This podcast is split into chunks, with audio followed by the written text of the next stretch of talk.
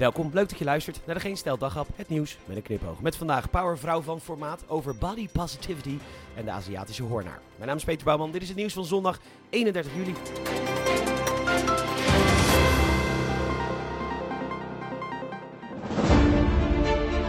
Geboren aan den beginnen der Tweede Wereldoorlog, 1940, Baltimore, Maryland. Dochter van een indertijd democratisch congreslid die ze al op jonge leeftijd hielp met campagnes. Een politiek zwaargewicht, een duizendpoot van formaat, die al in 1987 congreslid werd in het Huis van Afgevaardigden.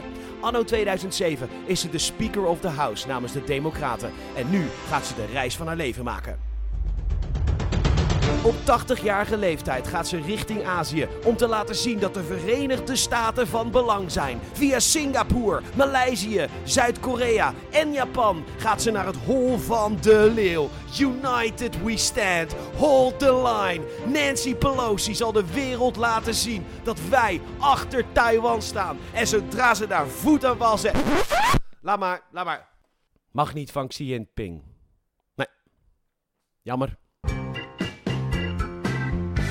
Maakbaarheidsdenken. In Spanje kunnen ze er wat van. Ze hebben immers een ministerie van gelijkheid. Maar goed, in Spanje lanceerde eerder deze week een campagne omtrent body positivity. Die wil vertellen dat hoe je er ook uitziet, schaam je gewoon lekker niet. Ga lekker naar het strand. Op de poster waren een aantal vrouwen te zien. Een Latina met okselhaar, een zwarte dame die wel een carbonaatje lust en een blanke dame met een geamputeerde borst. Prima. Maar de foto's van een aantal van die dames, die blijkt dus nu gewoon gejat.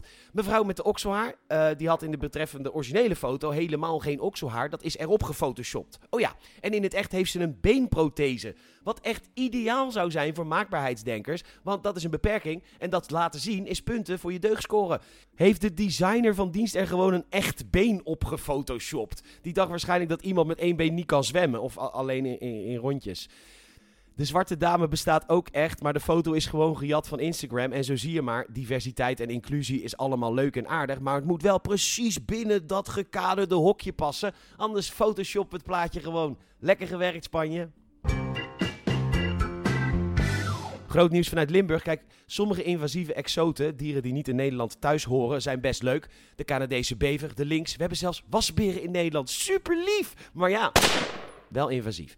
Maar tegenwoordig hebben we ook de Aziatische hoornaar. Dat is een soort wesp, maar dan groot en bovendien tyfusleiers. Want ze eten de bij. En de bij kent de Aziatische hoornaar niet, dus die ziet ze niet als vijand. Die lieve, lieve, naïeve bij. Hij lijkt op een wesp, maar is een tandje groter. Maar ziet er toch eigenlijk helemaal hetzelfde uit als een wesp, maar toch echt niet helemaal. Hij zal wel vriendelijk zijn. Nee, bij. Aziatische hoornaars moeten allemaal dood. Eén Limburg laat weten dat daar een nieuwe strategie voor is. Zenderen! Een zendertje van 0,15 gram is geplaatst op zo'n beestje die zelf 0,39 eh, gram woog. Ja, woog ja, want dankzij de zender konden ze het beestje volgen naar het nest en ze zijn allemaal afgemaakt. Jee voor de bij en nu begint de heerlijke taak om al die beesten naar de getver te airtaggen. Bedankt voor het luisteren. Je zou enorm helpen als je een vriend of vriendin of familielid vertelt over deze podcast. Je kunt een Apple Podcast review achterlaten. Dat kan ook in Spotify. Vijf sterren alsjeblieft. Nogmaals, bedankt voor het luisteren. En tot morgen.